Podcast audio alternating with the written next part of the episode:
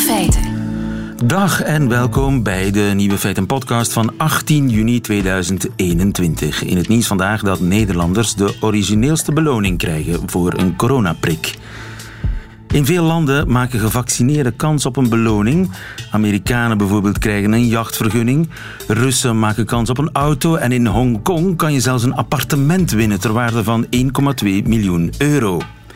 Reden voor al die grote beloningen, de vaccinatiebereidheid in die landen is laag. Dat probleem hebben de Nederlanders niet, want 80% van de bevolking wil zich graag laten prikken. Maar toch krijgt iedere gevaccineerde Nederlander vanaf nu volledig gratis een haring. De Hollandse Nieuwe, zoals de echte Nederlandse haring heet. Ieder jaar komt de eerste lading haring op 15 juni binnen en wordt die geveild ten voordele van het goede doel. Maar helaas kan die veiling door de pandemie dit jaar niet doorgaan en dus worden de haringen verdeeld over de vaccinatiecentra. Als beloning voor de vrijwilligers en de gevaccineerden.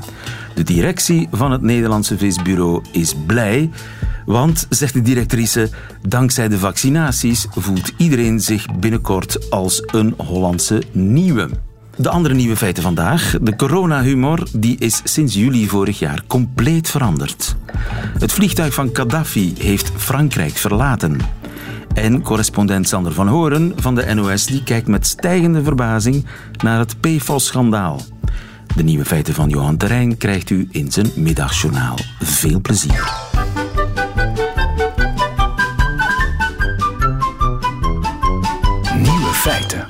Het moet een van de meest luxueuze vliegtuigen ooit zijn geweest. Dat van de vroegere Libische dictator Gaddafi.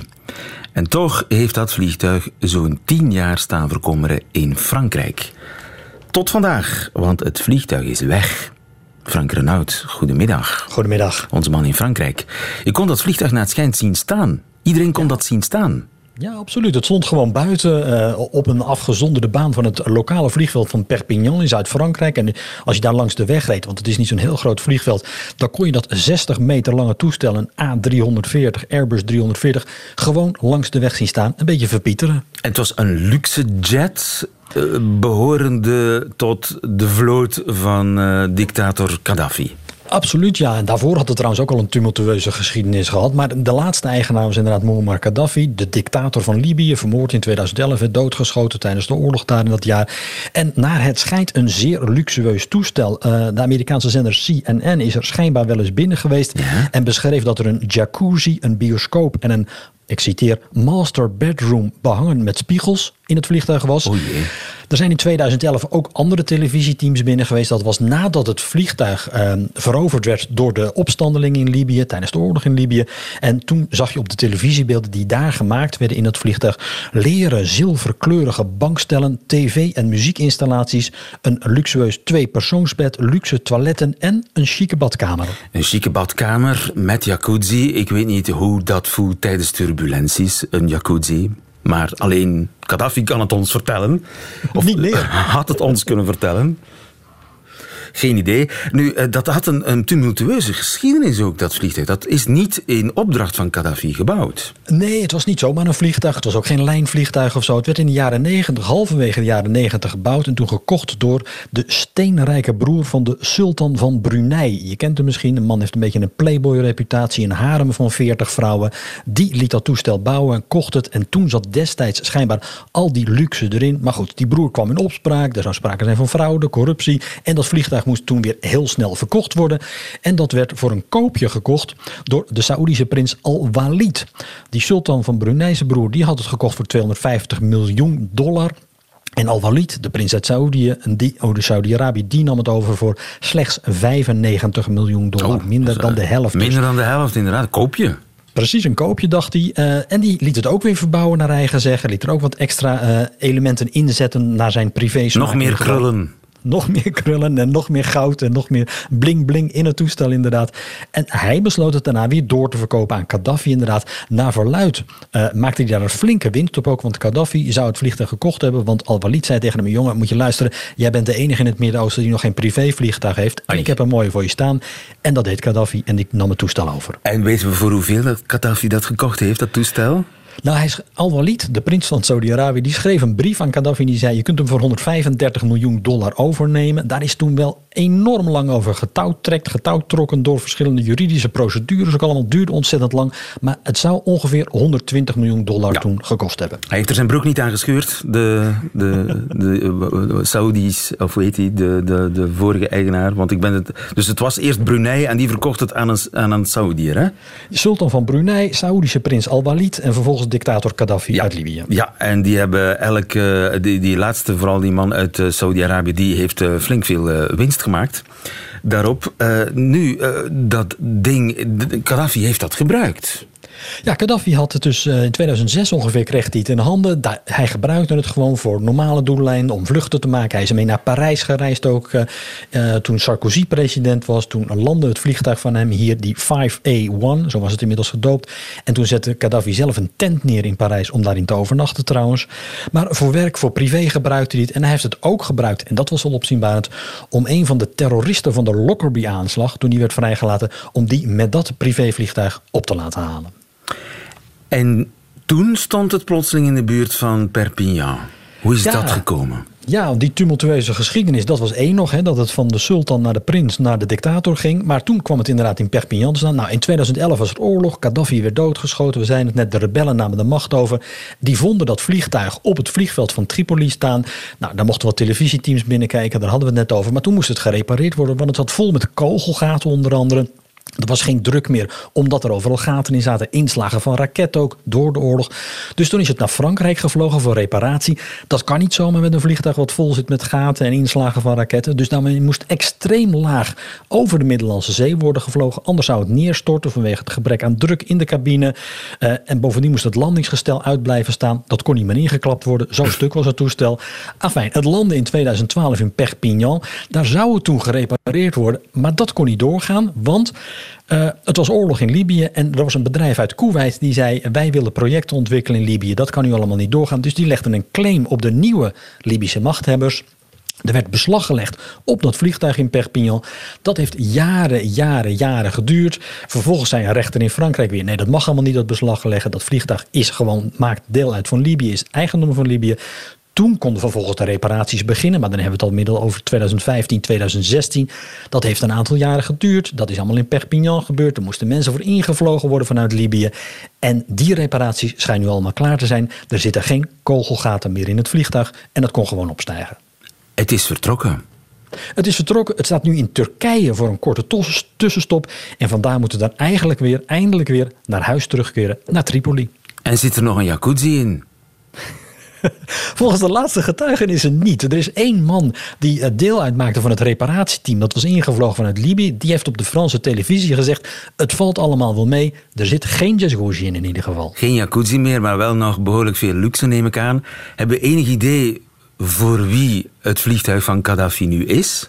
Nee, dat weet dus niemand. Want de, de bedrijven die het gerepareerd hebben, willen daar niks over zeggen en mogen daar niks over zeggen. Nou, het nieuwe Libische regime heeft een vertegenwoordiger, een advocaat in Parijs. Die heb ik geprobeerd te benaderen een aantal keren. Die wil geen commentaar geven. Dus we weten het niet. We weten alleen dat het toestel teruggaat. Maar we weten niet of het bijvoorbeeld door de huidige machthebbers zal gebruikt worden als privévliegtuig. Of misschien wel een soort lijnvliegtuig gaat worden. Het is in ieder geval heel erg oud. 25 jaar oud en het slurpt brandstof. Dus erg populair zal het niet meer zijn. Ja, niemand weet wie uh, met het vliegtuig van Gaddafi gaat vliegen. Frank Renaud, het is in ieder geval weg uit Frankrijk. Dankjewel. Goedemiddag. Nieuwe feiten. De ontdekking van België. Meer bepaald door uh, Sander van Horen. De NOS-man in Brussel, die nu al bijna drie jaar, geloof ik. Nee, al bijna vier jaar. Bijna, wat gaat de tijd snel? Ja aan het verbelgen is. En het gaat de laatste maanden, moet ik zeggen, ontzettend goed. Ja, maar deze week ging het weer heel slecht. Dat wil zeggen, ik lette even niet op. En toen was opeens het uh, PFOS-dossier ontploft. Ja, en is dat uh, iets wat in Nederland nooit zou kunnen? Nee, ja, absoluut wel. Maar ik was toch nog weer verbaasd over hoe snel het hier ging. Want we hebben vorige week natuurlijk ook eh, de, de fragmenten volgens mij van de reportage van de VRT laten horen. Dat mensen een beetje aan het klagen zijn van dat ze hun eitjes niet meer kunnen eten. En op dat niveau leek het zich toen allemaal af te spelen. Nou, en toen heb ik een paar dagen lang... het enige wat ik aan België deed was koning Filip... die Joe Biden ontving. Uh, want voor de rest was ik daar druk mee. En ik sloeg de krant weer eens open op uh, woensdag... en ik begreep er helemaal niks van. Wat was er zo onduidelijk dan? Nou, wat er allemaal gebeurd was in de tussentijd. Sowieso moest ik eventjes... Ik, ik ken uit Nederland natuurlijk PFAS. Hè, dat, dat is in Nederland een discussie geweest. Want dat is een stof of een groep stoffen... die zit overal in. En dat is niet goed. Kan niet afgebroken worden. Lastig. Dus daar hebben... Maar wat is dan weer PFOS? Dat is, dat is een PFAS. PFAS okay. is de familienaam. PFOS is een van de... Er zijn nog PFAS-soorten. Precies. Nou, oké, prima. Dus uh, oké, dat is kwalijk. Maar uh, dan ga je verder lezen. En ik, ik heb mijn cursus uh, Vlaams al wel gehad, want ik heb het echt op moeten zoeken. Wat is in vredesnaam een dading? Een dading? Ja. Oh, jij weet niet wat een dading dat is? Dat wist ik niet, nee. nee dus nee. een akkoord dat partijen sluiten om niet verder te pro procederen? Ja.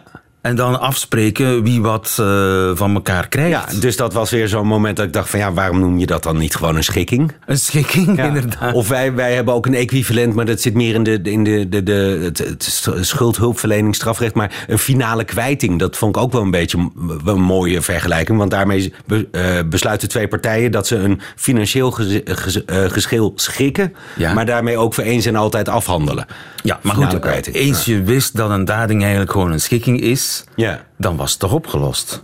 Zou je denken, daar was het aan de oppervlakte opgelost. Maar opeens is het van een ja, vrij lokaal probleem, een straal van drie kilometer... In, in iets waarvan iedereen vindt dat het er moet komen. Een ring rond uh, Antwerpen die eindelijk eens een keer gesloten is. Um, opeens was het een politiek probleem geworden. En dat was natuurlijk al voordat ik in uh, de, het bezoek van Joe Biden dook... was het al met Zoal Demir, die een onderzoekscommissie voorstelde... was het dat al een beetje geworden. Maar nu ja, het deed mij heel erg denken. En elke vergelijking gaat mank. Uh, excuseer me op voorhand, maar met, met de toeslagenaffaire in Nederland. Oh ja? Dus dat is een kwestie waarbij mensen door de Belastingdienst werden gestalkt ten onrechte. Daar komt nou ja, en waarbij er op een gegeven moment een politieke vraag kwam te liggen. Wie wist hiervan en waarom is er niet opgetreden? En er daarna nog steeds de vraag bleef liggen: oké, okay, burgers zijn slachtoffer geworden. Wat doet die overheid die fouten heeft gemaakt? Even los daarvan, maar wat doet die overheid om het te fixen? Ja. En op beide zie ik overeenkomsten. Hè? Dus de overheid heeft fouten gemaakt. Wie wist wanneer waarvan? En ook hier weer het probleem dat iedereen of in elk geval alle partijen leken ervan te weten. Of, oké, okay, goed, misschien niet de P van de A, misschien niet Vlaams Belang, misschien niet uh, vooruit. Maar de, de, de, de, de regeringspartijen die leken er allemaal wel op enig moment al van geweten te hebben. Dus dan zie je dat het. Uh, ofwel iedereen neemt verantwoordelijkheid, ofwel niemand neemt verantwoordelijkheid. Dat dat de impasse is waar je nog steeds in zit. En de tweede is dat er intussen mensen zijn die uh, uh, denken van... oh ja, oké, okay, groente uit eigen tuin mag dus niet. Een eitje, eentje, oké, okay, maar niet meer. Maar wat denkt u dat ik de afgelopen vier jaar heb zitten doen? Ja. En die mensen die staan nog steeds met... Een, worden met een eitje in het riet gestuurd. ja, maar dat is dus eigenlijk precies hetzelfde in Nederland als in uh, België. Namelijk dat iedereen ervan wist en niemand verantwoordelijk is nou, wel degelijk mensen verantwoordelijk zijn, maar dat dat op dat moment politiek wordt. En dat zag je ook in Nederland. Dat een aantal mensen, een minister, een fractievoorzitter Daar van een politieke partij, voor opgestapt. die hebben persoonlijk gezegd van ik kan nu op deze manier niet doorfunctioneren. En tuurlijk, het kabinet is afgetreden, uh, totaal. Maar oké, okay, dat, dat was op die toeslagenaffaire. Dat was op die toeslagenaffaire. Dus ja, ik ben benieuwd wat dat betreft wat hieruit komt. Overigens is Nederland hier weer van België aan het leren. Hè? Want uit de mond van Mark Rutte gehoord na onze verkiezingen wilden we geen lange formatie, want het land moest in deze crisistijd geregeerd worden. Nou, oké, in Nederland gaat het nog niet zo goed met de cijfers, maar ook daar gaat uiteindelijk wordt Nederland gewoon hè, gaat uit die pandemie komen. Dus die druk die is er vanaf. En onze premier zei van ja, het gaat eigenlijk best op deze manier met een uh, kabinet in lopende zaken, wat wij een demissionair kabinet noemen. Ik vond dat een hele Belgische redenering van maakt niet uit, het land draait toch wel door. Ja, de talen groeien uit elkaar, maar politiek groeien we naar Maar even, even zonder gekheid, hè? Want, want ik vind dat even los van die politieke vragen. En ik volg hem met interesse. En ook gisteren weer. Eh, wie wist er dan van dat persbericht wat nooit is uitgestuurd? Nee, het gaat erom dat dat persbericht in 2017 niet is uitgestuurd. Dat daardoor mensen nu vragen hebben over hun gezondheid. Dat moet opgelost worden, wie er ook politiek verantwoordelijk is. En die mensen moeten een zekerheid hebben dat als zij nu of later gezondheidsproblemen krijgen, dat ze daarvoor gecompenseerd worden. En niet afhankelijk zijn van de goede tierendheid van de mutualiteit. En daar moet die overheid nu voor gaan staan. En dan mag je daarna, en dat zie je dus ook wat er in Nederland eigenlijk nog steeds misgaat, hè, dat die overheid er nog altijd niet vierkant voor staat. En daarna mag je gaan zwarte pieten. Ja. En dat zal misschien niet gebeuren. Dat zwarte pieten, dat gebeurt. Of er ooit politieke consequenties aan verbonden worden, ik weet het niet.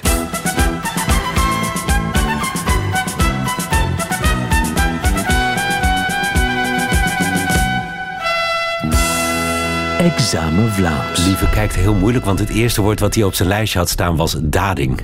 Nee, nee Oh. ik heb namelijk veel te veel woorden, dus ik moet kiezen. Ja. Zoals je ook van microfoon moet kiezen. Ja, ja, ik heb, eh, ja, zo, eh, oké, ik heb twee microfoons, omdat ik dacht dat een van de twee het niet echt goed deed. Zullen we een testje doen, Michel? Zet eens de linkermicrofoon, alleen de linkermicrofoon. Deze microfoon. Ja, die, oei, die klinkt heel slecht. Ah, wacht eens even. Ja, die klinkt, en hoe klinkt nu de rechtermicrofoon? De, recht, de rechtermicrofoon, die klinkt veel, voor mij beter. Oké, die kwestie is opgelost. Die kwestie is opgelost. Goed, jij doet allerlei eh, uitstel, dat is uitstelgedrag, hè? Ja. Dat is een soort, eh, hoe heet het, filibusteren. Filibusteren. Ja. Filibusteren. Ja. Wat is een rossekop? Wat zeg je? Je het rosse niet, kop. geloof ik. een rossekop. Een rosse kop. Een redhead, een roodharige. Roodharige, heel goed. De uitschuiver. Eh, de uitschuiver. Context? Ja, Sander, daar maakte je wel een uitschuiver. Uitglijder. Een uitgeleier, ja. Ja, een, een stomme fout. Een blunder, een misser, een uitschuiver. Ja, wij zouden het een uitglijder Een noemen. uitgeleier, uitschuiver. Brol.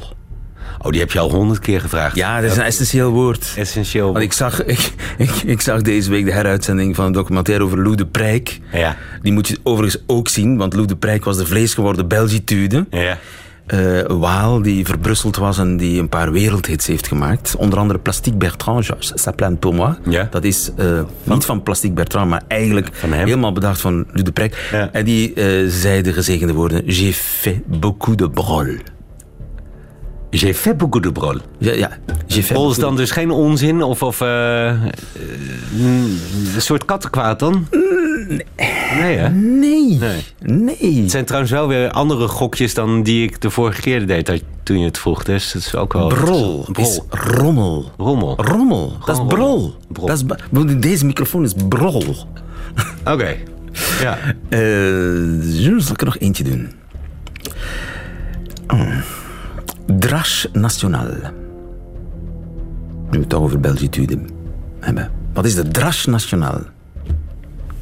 Ik ken het Franse woord niet. Drache. Drache National is op 21 juli. Bijna altijd. Op 21 juli. Wat is 21 juli? De juni of juli? Juli. De onafhankelijkheidsdag? Of? De nationale feestdag. Ja, precies. Onze nationale Maar Brache is dus... Drache is dus Drache met de D van... feestdag. Ja, nee, de, de, feestdag is, is de 21ste. Ja, de Drache Nationaal. Ja. De Drache Nationaal is de regenbui die erbij hoort. Ah, echt waar? Ja. Oh, wat fantastisch. De Drache. En dat is een soort... Een, een is een regenbui. Oké. Een treurige regenbui. Maar op een of andere manier regent het altijd dus op 21 juli. Exact. Fantastisch. Dan Ja. hebben jullie dat weer. Zelfs dat. Zelfs dat hebben wij. Maar het gaat goed. Nieuwe feiten. Heeft u enig idee hoeveel coronamoppen er online circuleren? Wel, het zijn er minstens 12.000. Want zoveel heeft Giselinde Kuipers er verzameld. Goedemiddag, Giselinde. Goedemiddag. Giselinde Kuipers, professor cultuursociologie aan de Universiteit van Leuven. Voor alle duidelijkheid, het is niet voor de lol dat u die coronamoppen heeft verzameld, maar voor de wetenschap. Ja, nee, zeker. Het is, eh, ehm, ja, dus eh, humor is een belangrijke barometer van de samenleving. Dus je kan aan humor heel goed zien waar mensen mee bezig zijn en wat mensen eh, ja, hoog zit. En ook hoe ze proberen zich te verhouden tot de samenleving. En ja, we zagen met corona dat er ineens een explosie was van grappen. En dat vertelt ons iets. Ja, over de 12.000 samenleving. is veel, hè? En dat is waarschijnlijk nog maar een fractie van wat er in is- werkelijkheid is Er geproduceerd. is nog veel meer. Nou, we hadden, ja, ik, ik begon er dus een beetje naïef aan in maart van vorig jaar. Toen ineens eh, alle universiteiten dichtgingen. Deed ik een oproepje op Twitter van wie heeft er grappen voor mij. Want ik had er een paar gezien. En eh, een paar maanden later hadden we er dus inderdaad 12.000 in eh 40 talen. En een team van een enorme hoeveelheid onderzoekers. En er is nog veel meer. Is dat een goed teken dat mensen grappen maken over ellende? Ja, nou ja, het ligt er een beetje aan hoe die grappen zijn. Maar dit waren in het algemeen eigenlijk hele, ja, hele vriendelijke. eh, ja, wel gezonde zou ik zeggen, grappen. Dus het zijn, het zijn eigenlijk, het is een poging om collectief. Eh, ja, om iets een beetje kleiner te maken. Door iets te lachen maak je het een beetje minder belangrijk en een beetje minder serieus. En tegelijkertijd deel je het met andere mensen. Dus vooral dan inderdaad in dit geval was het elektronisch, omdat we allemaal opgesloten zaten. Dus iedereen was de hele tijd via telefoons vooral grappen met elkaar aan het delen. En dat is een poging om ja, je ervaringen te delen. En ook een beetje greep te krijgen op een nieuwe situatie. Ja, het is eventjes En ja, dat vakantie uit de ellende. Van, van het nadenken. Ja, Ja. Maar, ook, en, maar ook echt heel erg samen proberen te begrijpen wat er aan de hand is. Als je die grappen nu terugziet, want ze lijken echt. Het lijkt alweer heel lang geleden. Ook als je het ziet, dan komt het ook helemaal weer terug. Van oh ja, we zaten allemaal thuis en wisten niet hoe erg het zou worden. En we waren ook wel een beetje bang dat we zelf ziek zouden worden. Dus het is echt ook, het voelt nu alweer als een hele verre tijd. Van alles is nieuw. En iedereen, je probeert het dan te begrijpen, hoe je je voelt. En dat, ja, dat doe je dus deels door een beetje uit te testen met andere mensen. Ja, ik denk bijvoorbeeld aan die eh, plattegrond van een huis. Het plan van een huis met vakantie, bijschrift. precies. We zijn op de kaart de aan het kijken waar ja. we dit weekend naartoe gaan. Ja, precies. Ja, nou, zulke soort grappen. Heel veel. En het begon, met, het begon echt met... De eerste grappen waren nog niet zo aardig. Die gingen vooral over Chinezen. En daarna ging het heel veel over... Over populaire cultuur. En toen ging het over hamsteren. Dat was heel veel toiletpapier, een tijdje. Oh ja, daar was zo die en daarna tekening. eigenlijk steeds meer... En daarna steeds meer echt grappen over... Inderdaad, over in huis. Maar bijvoorbeeld ook... We weten niet wat we kind- met de kinderen moeten doen. De geknevelde kinderen in hoek. En eigenlijk naarmate het verder werd het steeds een beetje ja, een soort van absurdistischer of vervreemder. Dus steeds raarder. En in juli zijn we ermee gestopt, want toen hield het eigenlijk op. Toen was ineens die grap, het was een hele intense cyclus van grappen verzamelen, ook uit de hele wereld. En ze leken eigenlijk ook allemaal erg op elkaar. En in juli was het ineens, Dan was het eh, voorbij. in een paar weken gedaan. stopte de stroom eh, van grappen. Ja. Want inderdaad, ik herinner mij die foto van mensen volledig in wc-papier gewikkeld. Met daaronder Ja, de woorden: precies. blijkbaar is dit de manier waarop mensen zich tegen het Ja. virus beschermen. Ja. Dat Ja, was die toiletpapierhysterie? Ze werden steeds raarder. Dus de laatste grappen, ik weet niet, misschien, ja, ik denk als ik het vertel, komt het wel weer terug. De laatste grappen waren bijvoorbeeld van mensen die dan inderdaad, die dan in, in een appartement rondjes aan het fietsen waren op een racefiets en Ja. zo. Eh, en ja, heel veel grappen met het laatste avondmaal, dat iedereen aan het zoomen was. Dus dat Jezus in het midden zit en dan allemaal kleine vierkantjes erboven. Met alle eh, eh, discipelen. Het Dus laatste werden avondmaal steeds als Zoom-vergadering. als Zoom-vergadering. En Jezus ja, zegt: Oké, kan iedereen mij horen? ja, precies. Ja. Ja. En de anderhalve meter, dat was ook een, een bron van veel Ja. vermaak, hè? Ja, nee, zeker. Ja, nee, daar zijn minder grappen over. Het zijn eigenlijk vooral de grappen gaan, en gaan vooral, het zijn eigenlijk is het lockdown humor. Ja, meer. dat het was gaat over vooral- de, de quarantaine-ervaring. Contact zoeken met mensen, verbondenheid zoeken met mensen via humor. Hè? Ja. En over de anderhalve meter herinner ik mij wel die mop eh, over de overheid die vraagt om anderhalve meter afstand te houden. En BMW-rijders nu niet weten wat te doen. Enfin, Ja, er zijn Maar- er een paar. Ja. Maar het zijn, het gaat vooral, het gaat, het zijn echt, echt vooral lockdown-grappen. Ja. ja. En die zijn min of meer gestopt in juli, vorig jaar. Ja, het hield op een gegeven moment heel, het hield heel snel op. Nou, wat eigenlijk, wat ik nog wel zeggen, wat echt heel belangrijk is en heel bijzonder, is dat dit echt een mondiale grapcyclus was. Dus dat het was ook heel snel dat ik begon met te verzamelen in België en Nederland. En op een gegeven moment had ik ook een team en zaten er ook Vietnamezen en Japanners en Brazilianen. Eh, dus wat het, eh, wat het echt heel bijzonder maakte, was dat de hele wereld tegelijkertijd eigenlijk moppen grappen maakte. deelde. Dus er werden ook heel veel, er werd ook heel veel vertaald, of steeds net ongeveer een beetje hetzelfde, maar dan met een beetje een twist. Eh, en dat is daar dat hele gevoel van dat de hele wereld met hetzelfde bezig was. Eh, en dat, is ook, dat was ook in juli ook over. En dat wordt dan heel snel weer spiegeld in dat, dan, je weet, de grappen gingen weer over iets anders. En iedereen had zijn eigen lokale verhaal. En toen was het ook toen was het heel snel voorbij. Ja, en, maar het kwam weer terug, want het is niet corona-humor is niet gestopt. Nee, maar het is, niet, het is echt anders geworden. Het is, meer, eh, het is minder soort van allesomvattend. Het is veel lokaler en veel specifieker. Kijk, in sommige landen werd het heel erg gepolitiseerd, in andere niet. In sommige landen werd het ineens heel erg en grimmig. En in andere Geef eens een voorbeeld van Eh, zo'n grimmige grap. Nou, bijvoorbeeld in, in Amerika werd het heel erg snel natuurlijk heel erg gepolitiseerd.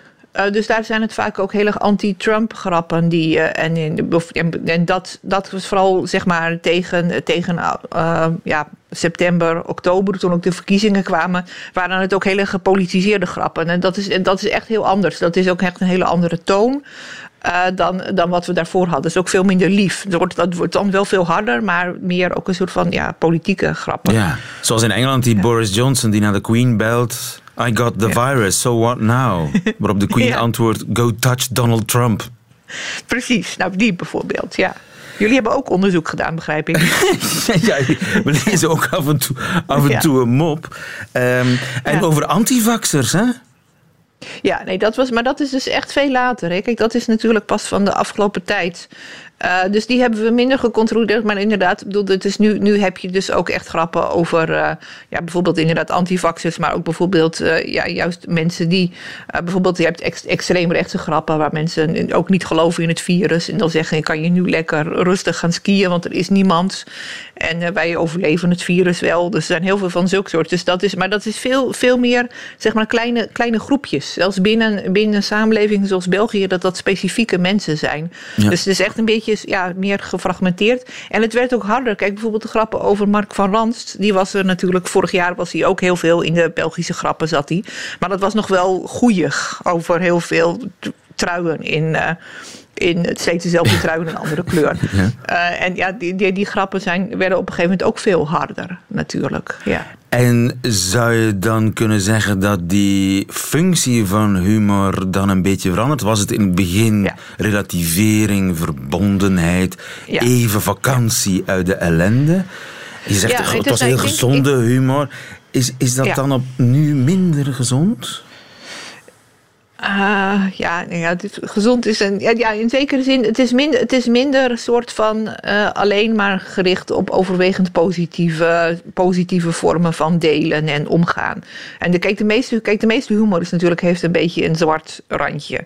Dus zit vaak wel iets exclusiefs in of iets een beetje. Dus het eigenlijk was wel bijzonder dat dit een soort van, eigenlijk een soort van moment was dat de hele wereld om hetzelfde lachte. En dat het eigenlijk ook wel eh goed aardig was.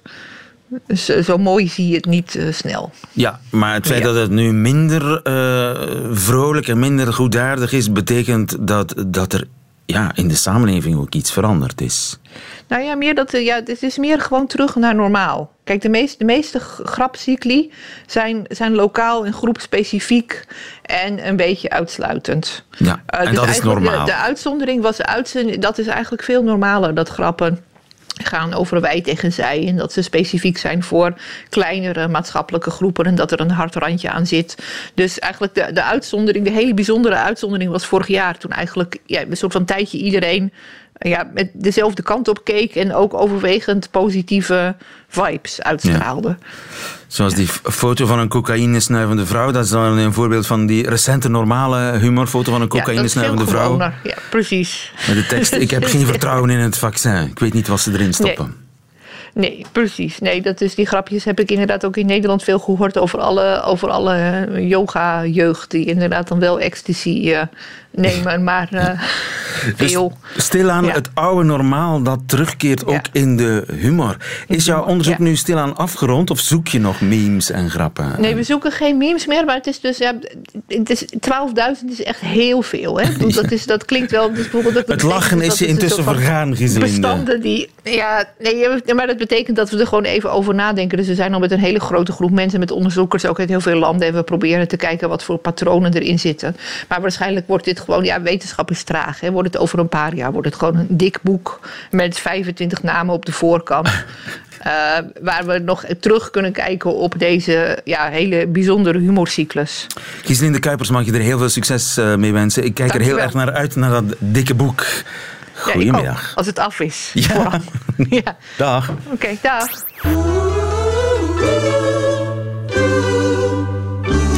Nieuwe feiten. Dat waren ze, de nieuwe feiten van 18 juni. Alleen nog die van Johan Terrein nu, in zijn middagjournaal. Nieuwe feiten. Middagjournaal. Beste luisteraar, mijn favoriete hobby is gesprekken afluisteren op een terras. Dat mag u gerust weten. Voorlopig doe ik dat nog niet in clubverband, maar gelijkgezinden zijn er altijd te vinden. Sinds kort kan ik mijn hobby binnen de toegestane uren weer uitoefenen, ook al wordt het mij daarbij niet makkelijk gemaakt. Als je momenteel het gesprek van je buurtafel mee kan volgen, is dat namelijk het beste bewijs dat de tafels te dicht bij elkaar staan. In post-corona kan je maar een paar woorden meepikken als je echt je oren spitst. Maakt u zich trouwens geen zorgen, ik wis alle informatie automatisch binnen de 14 dagen, want zo goed is mijn geheugen nu ook weer niet. En wat ik dan moet vaststellen na een paar afluistersessies is het volgende. Alle gesprekken gaan nog altijd over corona. Nu vraag ik mij af, als we allemaal zo coronamoe zijn, waarom praten we er eigenlijk nog de hele tijd over? In onze eigen bubbel en in aansluiting daarop de bubbel die op sociale media op algoritmische wijze rondom ons is gecreëerd, denkt iedereen zowat hetzelfde. Ik zei het al, gelijkgezinden zijn er altijd te vinden. Daarom is het misschien dringend tijd dat we weer aan de toog kunnen gaan hangen op 20 centimeter van de klant naast je, zodat we nog eens kunnen praten en pintelieren met mensen die een andere mening hebben. Het wordt stilaan duidelijk dat dat ook belangrijk is voor onze mentale gezondheid, anders worden we gek van ons eigen gelijk. Zo gek dat we aan onze terrastafeltjes blijven bevestiging zoeken bij gelijkgezinden. En worden we plots hevig boos en verontwaardigd als we ontdekken dat er mensen zijn die anders denken. Het zou niet slecht zijn nog eens te kunnen ervaren dat je hoogoplopende discussies kan hebben en tegelijk toch een pint met elkaar kan blijven drinken. Dat je altijd gewoon kan afsluiten met school en ieder zijn gedachten. Want dat is gezond voor ons. Mocht er nog een volgende golf komen, vind ik het daarom verdedigbaar, en ik zeg dit puur voor de sport van het toogdebat, dat we niet de scholen prioritair open houden, maar wel de kroegen. Dan hoor ik misschien nog eens interessante dingen als ik mensen afluister op een terras. School ieder zijn gedacht.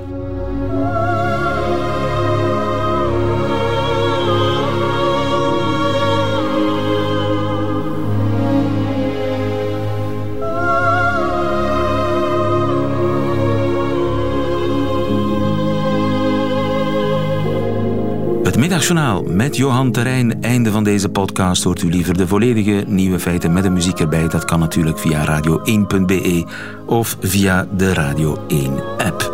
Tot een volgende keer.